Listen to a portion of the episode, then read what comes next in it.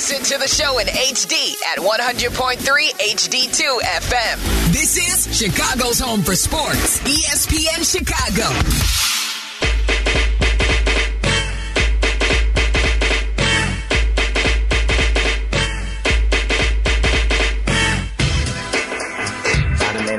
Good Sunday morning to you. I'm Jeff Meller, along with Brian Hanley, inside the old National Bank studio here on State Street. Far cry from the weather we were getting last Sunday. Brian, it is bright and sunny out inside the sunny. studio today, oh, man. Oh, it's sunny. Definitely better than the uh, buckets of rain that were coming down last Sunday before the Grant Park 220. Do want to touch on that a little bit later. Of course, we will always talk baseball in the middle of summer, but surprise, surprise, did not necessarily anticipate this.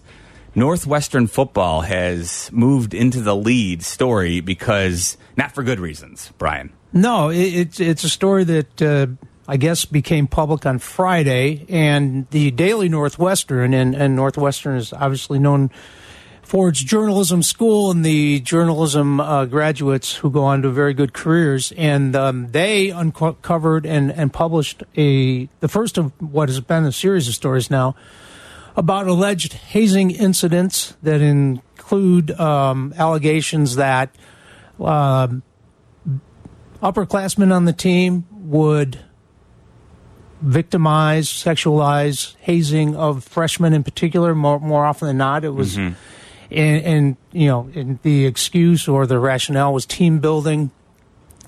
But uh, it's it's truly uh, stuff that when you read the details of the Daily Northwestern, it's out certainly on social media. The Sun Times Tribune have, have written stories. We're going to talk to Adam Rittenberg from ESPN, college guru from ESPN and ESPN.com. And Adam was actually a student uh, at a student journalist at the Daily Northwestern when I was covering Northwestern back in the day. So. Adam's gone on to a very good career, and he um, wrote a, an, an updated story last night because the university came out with a two week suspension of Pat Fitzgerald, the head football coach of the Wildcats, after an in house investigation that they commissioned. And uh, more than one uh, student athlete or former student athlete, a, a couple of people, and, and, the Sun Times actually had a third and fourth, uh, also confirm most of the allegations or the gist of the story that the uh, Daily Northwestern broke. But their investigation in house, the universities, um, came up with the fact that they believe most of the allegations could be substantiated. However, they could not draw a direct line from what happened inside the locker room and also at the training camp up in Kenosha, Wisconsin. And, and the NU football team has been going up there prior to seasons since uh, probably for 20 years now, mm-hmm. um, back to when I was covering them. And, no, and, you know, part of the reason we're diving right into this at the start of the show is because, as you mentioned, the note from University President Michael Schill yesterday, last night, sent a letter um, to the Northwestern community, and he wrote, "quote um, that he may have erred in weighing the appropriate sanction." You said a two-week suspension, two-week unpaid suspension for Pat Fitzgerald, uh, and they will no longer be allowed to go up to the Kenosha camp that they did during their preseason work. And Schill wrote that um, he spoke with players' families and apologized for what uh, the players had gone through in the program. He also attempted to contact the former player whose allegations were detailed in that report that you mentioned in the Daily Northwestern. And it is, first of all, the initial thought on Friday was, boy, I always hate when a university or any entity comes out with an internal investigation and they're not going to give you the details of said report, right? Um, knowing people who have actually conducted internal investigations, I kind of know what can go into it. Sometimes you have to ask the question, okay, what does does the entity really want stuff to be found first and well, foremost? If, if the if the Daily NU didn't publish the story, Pat might have been suspended for two weeks, and we might not have been aware of it. Exactly. And and then the university and also the athletic department, as you uh, alluded to, refused to answer any questions and issued their statements, and that's all we're going to do to protect the student athletes and all those involved. But their investigation said uh, that they, although they could. Uh, basically confirm many of the allegations or substantiate them rather mm-hmm. uh, they could not say that pat fitzgerald and or his staff were aware of the hazing that was alleged in both the locker room and also up at uh, Kenosha, up at their camp. And so they, the university decided a two week unpaid suspension for the head coach, Pat Fitzgerald, who's, by the way, has been the football coach there since 2006, was a decorated NU football player on the Rose Bowl team back in 1994. It was so it was a 95 season. 95, they played in the yeah. 1996 Rose Bowl. Okay, and and I, you know, uh, Pat was the recruiting coordinator under Randy Walker, and also the uh, defensive coordinator under Randy Walker. And when Randy uh, suddenly passed of a heart attack, um, they elevated Pat Fitzgerald to at that time the youngest. He was the youngest head coach in college football and he's been there 17 years. And most people believe that you know Pat Fitzgerald is one of those straight shooting mm-hmm. guys, mm-hmm. and he has been and going back to 2014, he's been an advocate of zero tolerance for hazing. But now, as you mentioned, the president of Mike, uh, Michael Schill writing to the Northwestern community that they're revisiting the the uh, penalty that they uh, gave Pat Fitzgerald, and and also two of the other sanctions for the team no more trips to Kenosha for training camp. Correct. And there will be a locker room monitor in place who will not be part and will not report to the football staff, will report to someone else in the university. So basically, you, the report says you can't you can't prove that the coaching staff and the head coach knew, or but you you're basically saying you don't trust them to run their program because you can't send them to Kenosha uh, because that's allegedly where some of these incidents happen, and you can't trust them to run a locker room, which is problematic for any any coach to have someone basically keeping uh, keeping eyes on you to because you're, you're you're not trustworthy right now. For the longest time, you know, you, uh, you mentioned you know Fitzgerald uh, the captain of the team in 1995, which you know that was really the first Northwestern football team that captured the, the imagination of the city. Absolutely, and I would still say, I, you know, I haven't really looked at the history, but from just me- off of memory, I would say that's still by far and away Northwestern's most successful football season. Would you agree? Or I mean, I know they've had some good runs under Pat Fitzgerald. They've had some successful seasons, but I don't think they've ever lived up to what they were doing that one season when they won the and, and college football was a far different animal back then when bowls you you would win your conference and actually go to a bowl, bowl game. Um, that's how they won uh, the Big Ten and were able to go on and play USC and Keyshawn Johnson famously went nuts and basically you know put them back in their place. But still it was a great success for a team that had almost no expectations heading into that season. And Pat Fitzgerald um, was you know one of the faces of the actual players on that team when Gary Barnett was the coach. And now, years later, you laid out the timeline, him taking over for Randy Walker after his death. And then, for the most part, being a guy who, as a front facing, you know, coach, was very, you know, was very put on a persona of somebody who was very likable. And oftentimes, I think Northwestern, the program, would be exalted for the student athletes that they recruited and also use that as, without saying it directly, use that as an excuse for why they maybe couldn't necessarily compete with some of the other teams in the conference, your Ohio States and Michigan's, because their students, they didn't want to say it directly, but they, they come here to play, and but also to go to the university, right? Saying it without saying it oftentimes and Pat Fitzgerald, because his public persona was in the city, he was just a nice guy, a great, a good guy, a guy who you thought, okay, I'd like to see, I'd, I'd love to have my kid go play college football for him. Well, now it is completely coming undone. You mentioned how he, in the past, has spoken out against hazing. I mean, that I think is going to be critical moving forward here. This is an old video that resurfaced, of course, yesterday. Pat Fitzgerald talking about zero tolerance for hazing at Northwestern. When I think about uh, the difficulties that every team has as they welcome new members into their into their families, one of the big issues that, that we've seen in college athletics and across the country is the hazing issues. Things that we believe here in Northwestern, number one, is there's a zero tolerance for hazing. There's no reason why to ever have it.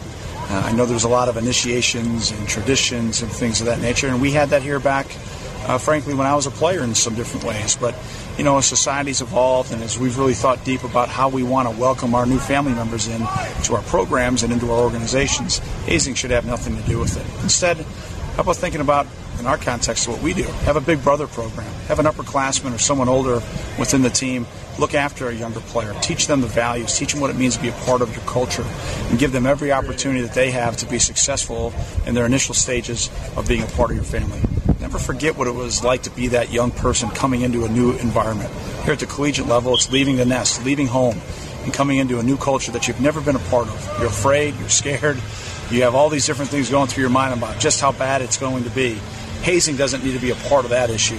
Let's turn it around the other way and give him a big brother and give him an opportunity to be successful. So that's 2014, and uh, Pat Fitzgerald was part of the Positive Coaching Alliance, which shot that video on the practice field at Northwestern all those years ago. And and the fact of the matter is, uh, the Daily Northwestern writing this uh, the um, report and and the series of articles on it said that um, the hazing would be part of mostly freshmen. They made a mistake on the practice field or mm-hmm. camp or even during a game, and they would do the Shrek clap over their head to, to make someone aware to write their name down so that they would be allegedly taken care of with a hazing ritual. Um, Which was dubbed, quote, running. Running. So, and, and so Pat Fitzgerald denied on Friday in a statement that he had any knowledge of it. And back to the president of the university's statement yesterday, after they said they weren't going to further uh, uh, respond to inquiries about it.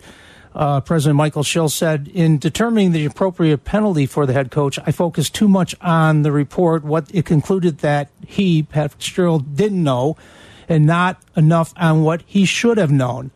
As the head coach of one of our athletic programs, Coach Fitzgerald is not only responsible for what happens within the program, but also must take great care to uphold our institutional commitment to the student experience.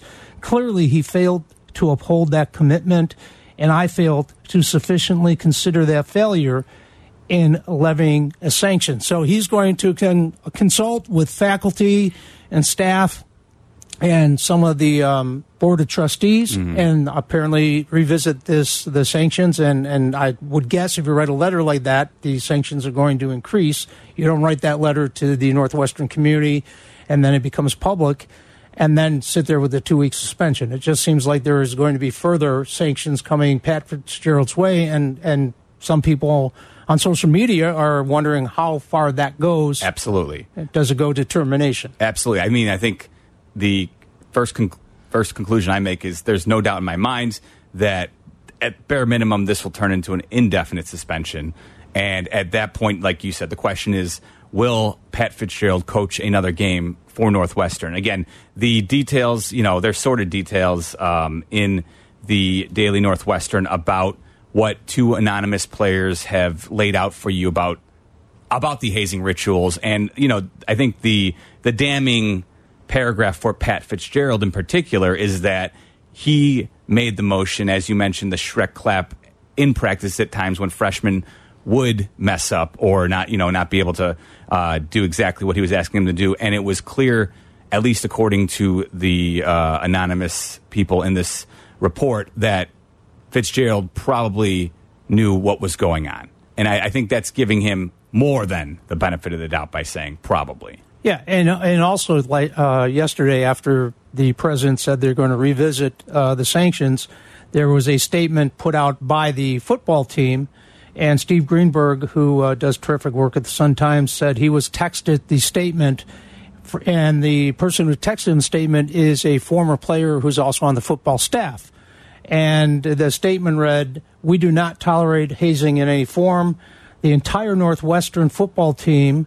Um, Hazing goes against our values of respect, integrity, personal growth. We are committed to fostering a supportive, inclusive environment.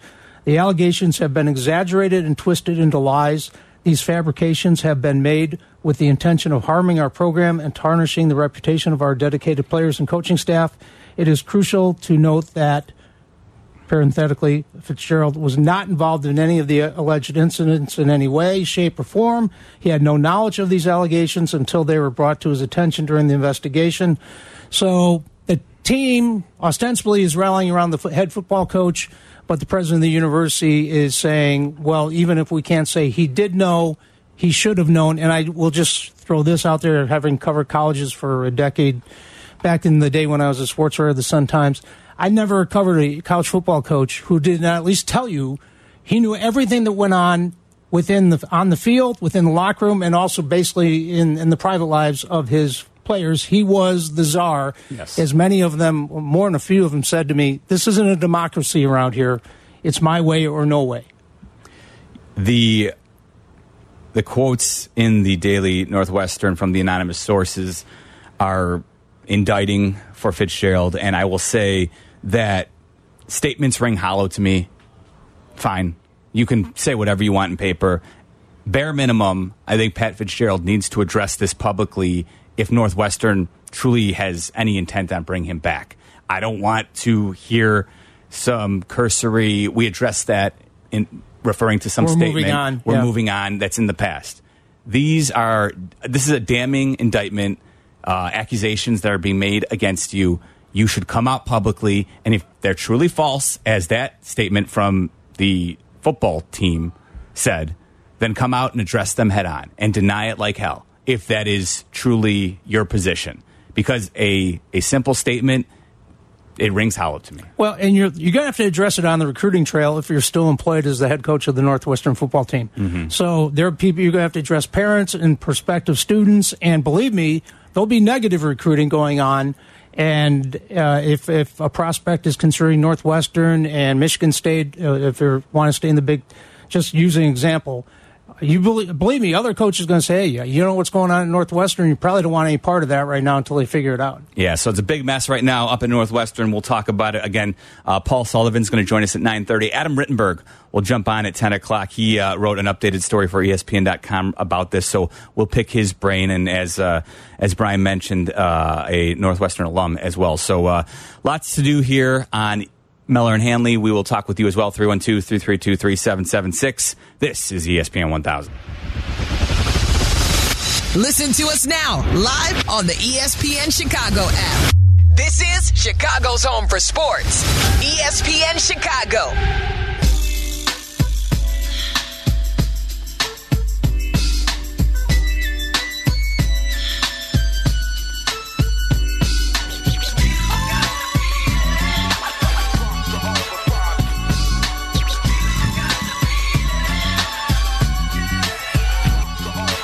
Meller and Hanley hanging out with you on Sunday morning until 11 o'clock.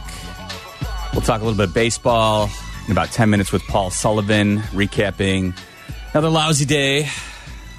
We were going to open the show with the montage of offensive highlights from Cubs Sox yesterday.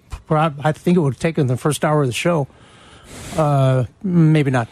Uh, it's it's just uh, yeah, I, I I'm trying to put this season in perspective for both sides of town.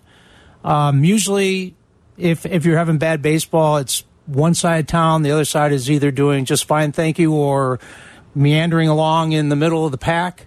But given what the expectations were, certainly on the south side of town with the Chicago White Sox, with the new manager and promises of the offseason of, of a change in, in attitude and approach and accountability, and here we sit uh, again with the White Sox scuffling big time. And then on the north side town, you don't know if you had, you know, Cubs win six, they Yep. lose six. It's just you, you and and you just don't know what to make of either of it because there was a month or so ago where you thought the Cubs were could make noise in a very winnable division, and they just can't find a way to get out of their own way. Yeah, they're uh, that uh, that run differential. You can't keep clinging to that when, No. you're eight games out of first place. And then for the White Sox, they're 15 games under 500, and um, also eight games back in their division, their heinous division. So uh, we'll talk with Paul Sullivan in about 10 minutes about our baseball teams, but a little more on Northwestern because, of course, right now Pat Fitzgerald's. Uh, I think his career at Northwestern hangs in the balance right now. We're trying to sort through some pretty heinous details that were released in the Daily Northwestern story yesterday, the st- school's student newspaper, which described the hazing practice uh, characterized as, quote, running. And um, the details are in the story. We don't, it's a Sunday morning, so Brian, I don't really want to put that out there for the folks out there who may be driving around with their kids. But it's uh, it's a pretty pretty nasty hazing story that you would you've probably come similar stories you've seen in the past and um, accusations that Pat Fitzgerald was at least aware, and um, in some of the quotes here, you know, likely he was signaling as well to uh, which players should be quote run. So you know, for a guy who pledged that hazing, there was no, you know, had a zero tolerance at his uh, university, and that should be the case around football.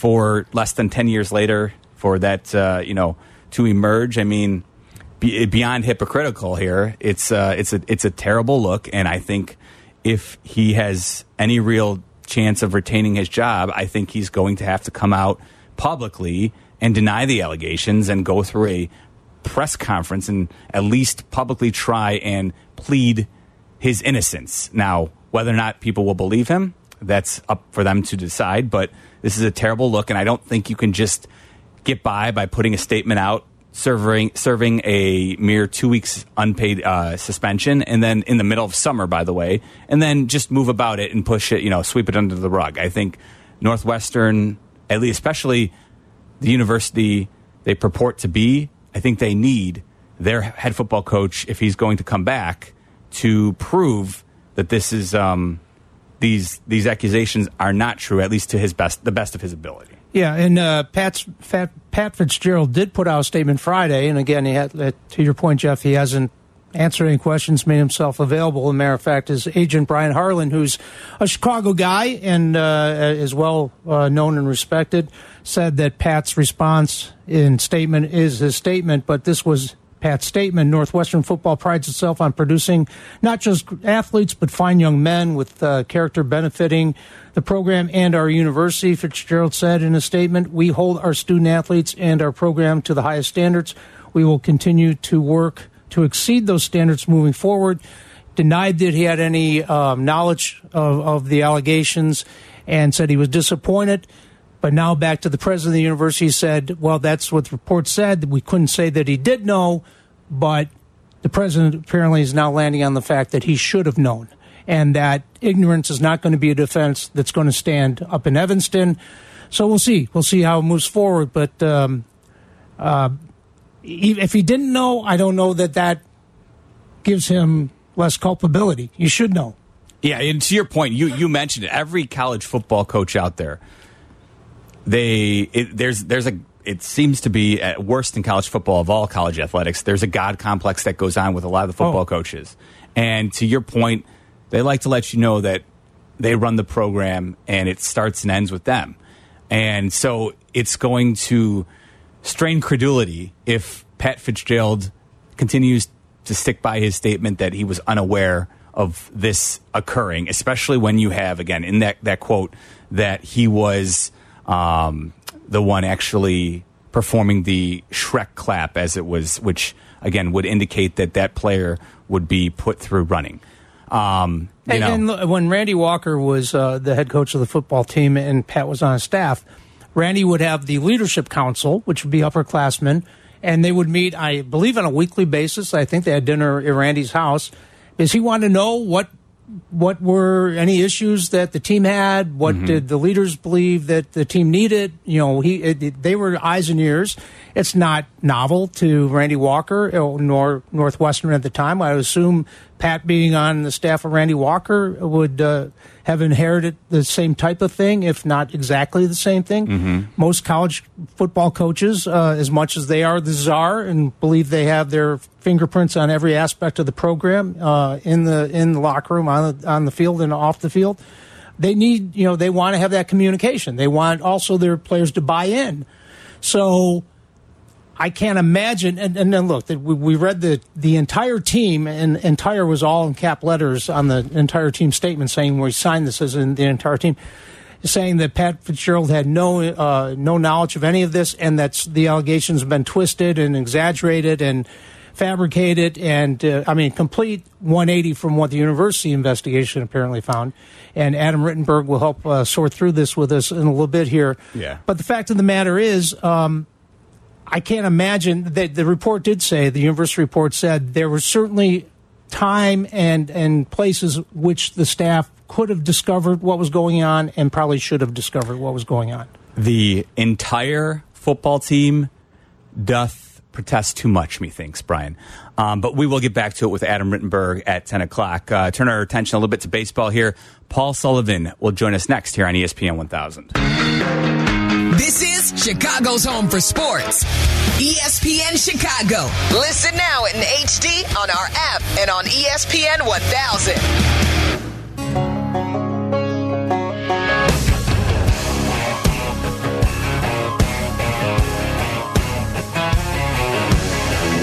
Jeff Meller, Brian Hanley hanging out with you till 11 o'clock today. Hopefully, you're enjoying your Sunday morning.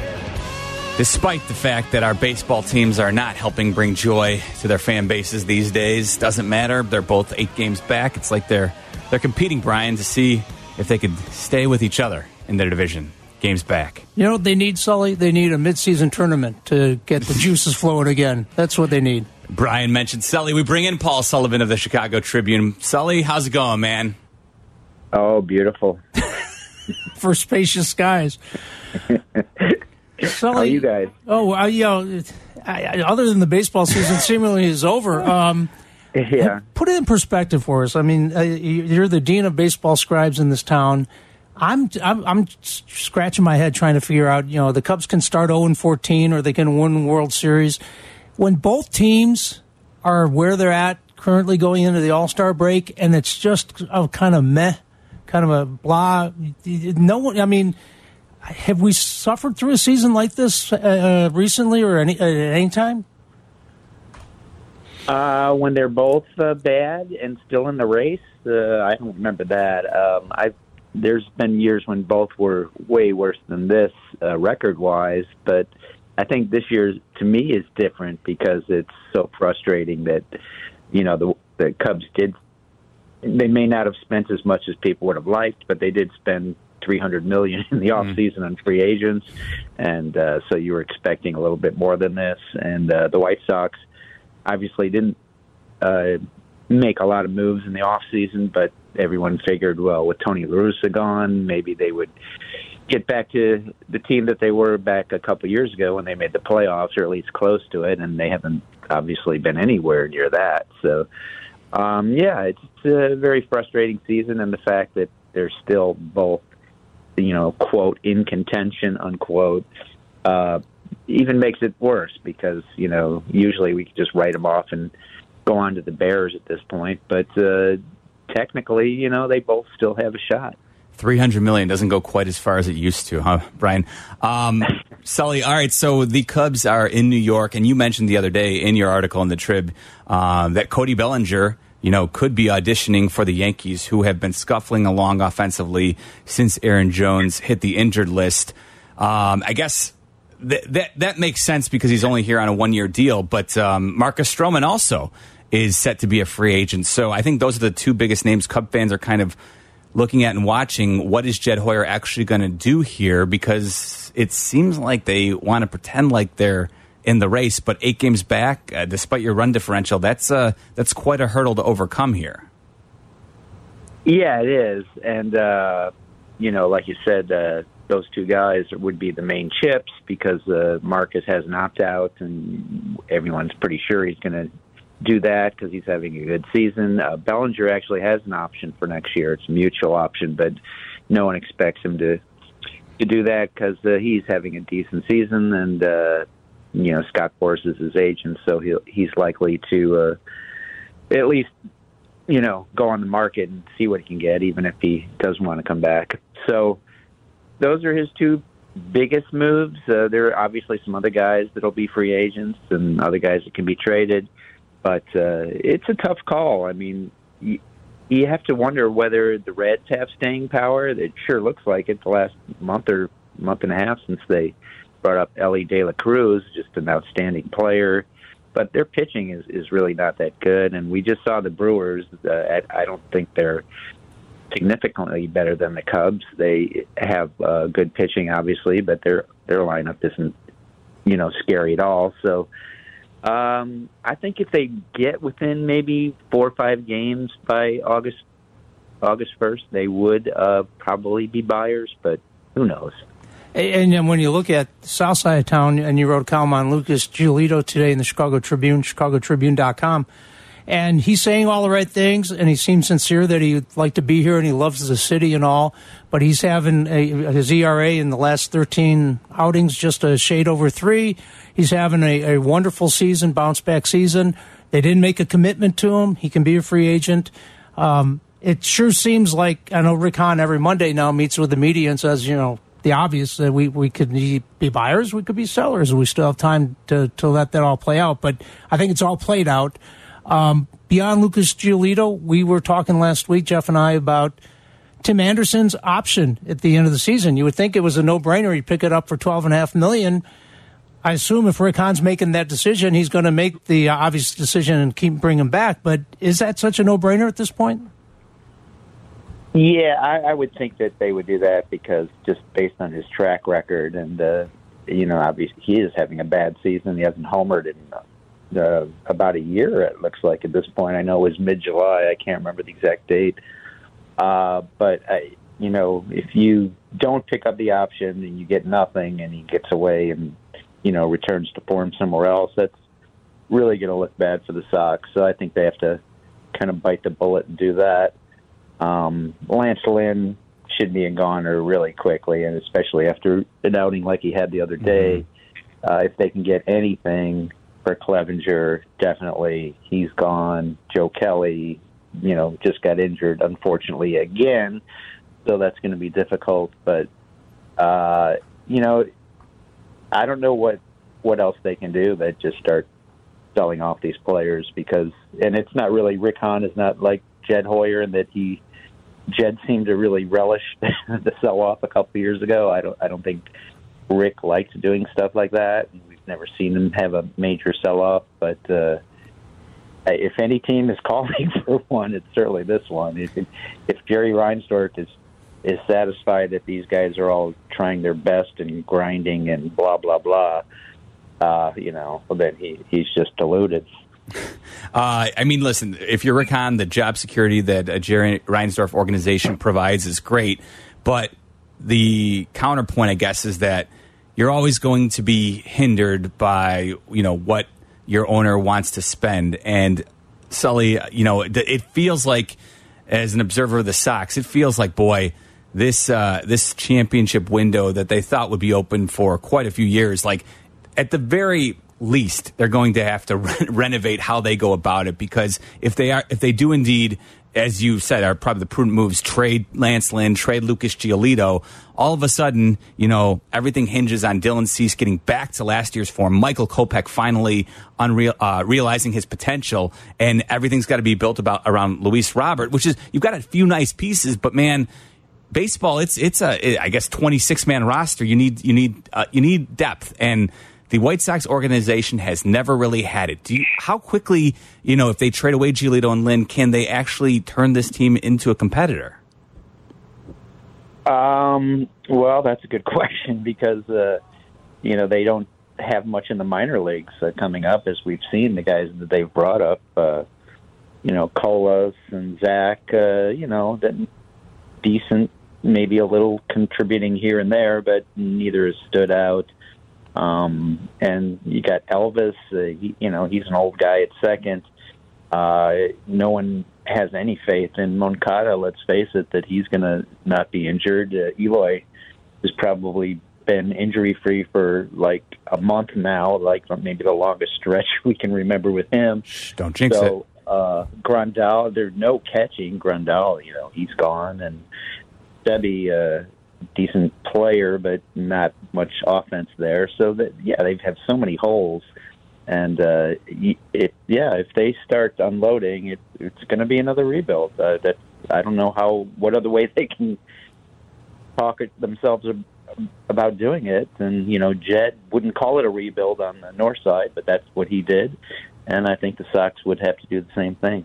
And we're here on the um, just hours away from the baseball draft, but obviously the baseball draft takes uh, years for it to produce most any player that you'll see at the major league level. It's not like the NBA, obviously. So when you look at uh, if Giolito is moved, and I think he will be, like you said today in your column, you're down to Dylan Cease and Michael Kopech, and we already know that they kind of watch Michael Kopech in his innings and, and you know his yeah. time off and So, do you even have two right now um, to to build a rotation around? Yeah, that's a good question. Uh, Kopech very frustrating because uh, you know sometimes he goes out there and he looks like he's going to throw a no hitter. He's got that kind of stuff, and then other times you know he's laboring through you know 50 pitches and in two innings, and he's out by the fifth. So I, it makes it does make sense to rest him right now, even though he's not really injured per se. Uh, but at some point, you know, he's he's been here for quite a few years now. Uh, we'd like to think of him as you know an up and coming guy, but you know, there's some point where you say, okay, let's see it. He's never pitched 200 innings or close to it yet. This was should have been the year for that, and that's not going to happen. Um, you know, you can't. They've been calling up guys like Davis Martin, who was not a big prospect. Uh, they really don't have much uh, down in the system that that can replace these guys. So, it, yeah, it's tough. And uh, you know, if you go through every area on the team, you could say the same thing. So, there's only a handful of guys, I think, uh, Luis uh, being at the head and Dylan Cease that are probably untouchables at this point. Uh, maybe I'll spin it positively here, Sully. At least, at least the White Sox and Cubs aren't the Angels, and of course, I mean they are wasting yet again, possibly the greatest. What we could be witnessing one of the greatest seasons ever put together by a single player, Shohei Ohtani, of course. Currently has 32 home runs. He's leading the league in OPS, and oh by the way, he's also one of the best pitchers in the league. Um, I mean, is Artie Moreno really going to have to consider trading him away at the trade deadline? Well, it would make sense. I mean, if you're not going to re-sign him, and it doesn't sound like they are, um, you would want to get as much as you could, and he's certainly a guy you could get a lot for, even though he would only be like a rental for a couple months before he's a free agent. So I don't know. I don't. I don't know how Artie Moreno thinks. You know, he was going to sell the team uh, before the year, and then suddenly changed his mind on that. And so uh, he obviously is is an owner that uh, really has shown in the past that he doesn't know what he's doing, and uh, so he'll probably mess it up. Whatever he does, he'll, I think we can count on him messing this up. And, and, look, in a year where the Mets and the Padres have spent a gazillion dollars, have nothing to show for it this season in the standings. If you're still, if you're Tom Ricketts and the Ricketts family, and you're a Cub fan, I know it's not the West Coast. It's not as close to Japan. You were a runner-up in the uh, Shohei sweepstakes when he first came here, but you've got to you've got to make you got to force the conversation. And, and, I don't know how you convince Shohei and his representatives that you're ready to win. Even though I mean, you have to start by by making the money equal, if not better, than what everyone else is offering. Yeah, I, I do think they'll they'll make an effort to you know put themselves in it. Uh, whether they would go all the way, you know, they could do one of those. You know how the White Sox are always second place and free agents to like Machado or whoever. Uh, I could see that happening. It's hard for me to imagine Ricketts spending that kind of money since uh, you know they Dansby Swanson is the biggest expenditures he's had, and even he was like the number four of those big four shortstops uh, last uh, off season, at, at least as far as uh, contract wise. Uh, he's been per- outperforming the other three for sure this year. So I, I don't know. It doesn't really seem like something he would do. It's something he should consider doing, especially uh, if he wants to, you know, get higher ratings on Marquee and everything. But uh, you know, the Cubs' attendance is not really that shabby considering uh, you know the team hasn't been good for a few years. So maybe he looks at that and says, uh, you know, we can we can still draw uh, with a team that's you know just barely in contention. I think uh, when Sully mentions the Cubs could finish second, that is never more did the Ricky Bobby quote ring true in my head when he said, "If you're not first, you're last. If you finish second in the yeah. Shohei Ohtani sweepstakes." But uh, uh, yeah, we appreciate it, Sully. Thanks for covering baseball uh, for us here on ESPN 1000 today. We appreciate it, man. Thank you. Uh, we, you can read him in the Chicago Tribune. He does a great job, obviously, for a long, long time covering baseball in this city. Paul Sullivan with a lot of excellent insight there. You want to hear from baseball fans too? 312 332 3776. Are you paying attention? I mean, here we are going into the All Star break do you find yourself sitting down and watching your entire game, let alone going out? And, and Sully alluded to they would get drawing thirty three thousand at Wrigley, not forty two Mm-hmm. But for a team that keeps kind of saying, "Well, we need a few more weeks to, to determine if we're in this or not," uh, fans are still showing up, and they do on the north side of town, and fans aren't showing up on the south side of town because the White Sox are usually a prove it fan base. You know, give me a reason to show up, and I will. But um, it, it's really discouraging. And, and baseball's my favorite sport, and it's really tough for me to consume baseball on either side of town right now. And also something that is difficult to consume for baseball fans is the Major League Baseball draft. You brought it up with Sullivan there. Uh, I want to dive into that a little bit more here uh, in the next segment. The Major League Baseball draft starts tonight uh, on ESPN and the Major League Baseball Network. Rounds one and two starts at six o'clock tonight. The Cubs are picking 13th. The White Sox are picking 15th. And what exactly should we look for in this? We'll talk about it next year on ESPN 1000. Follow Chicago's Home for Sports on Twitter at ESPN 1000. This is Chicago's Home for Sports, ESPN Chicago.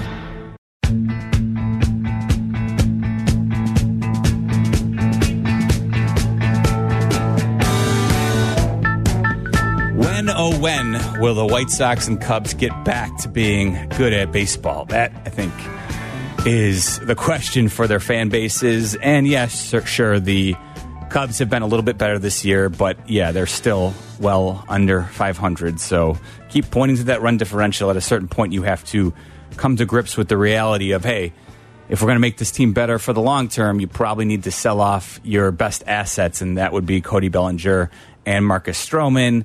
And I know Cubs fans don't like to hear that. I, you know, if you could get a deal done with Stroman, I think it would make sense. But if you're already at a point You point got to where start talking if you're going to get a deal done. yeah, clearly that doesn't seem to be the Cubs' intention here. So if you don't have any inclination of making a long term deal with Stroman, because you wouldn't want to let him, it would be foolish, in my opinion, Bry, to let this get to the point where he becomes a free agent and then you somehow get bring him back next year.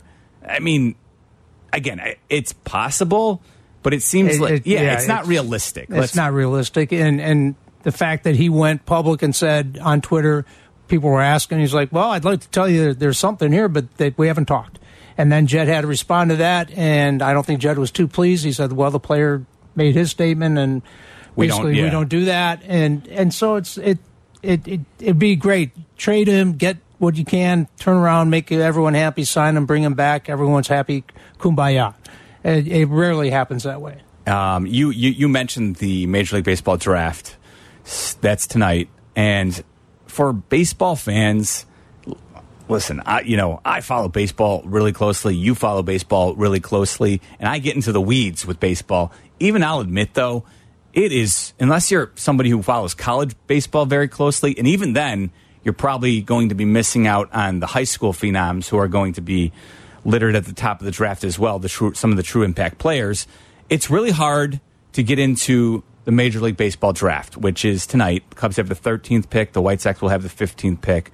Starts at six o'clock tonight on ESPN and the Major League Baseball Network.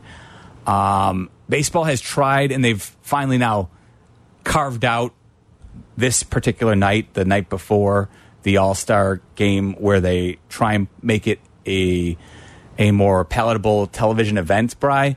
But the problem is a little bit what the NBA ran into this year. Outside of Victor Wembanyama, you know, it's very hard to know who these players are as they enter the draft, and baseball's even worse because, as you pointed out earlier, we're three or four years away from most of these players making any sort of impact at the major league level. Yeah, I don't think Britney Spears is going to be tr- uh, chasing after Colin Houck um, as he makes his way through the, um, you know, Dylan Crews, yeah, yeah. Oops, she did it again. No, um, yeah, it's you can sit here and say, okay, will the Cubs go for pitching? Will they? They who's going to be their first baseman in the future? Do they have a third baseman that they, they can count on um, to move forward? Uh, And those you can look at the obvious things, and I see the White Sox in mock drafts. They're shortstops, most important position, best athlete. Usually, you can never have enough shortstops, and you can move them around. Yeah. If Tim Anderson gets back to Tim Anderson form, and he's still a young man,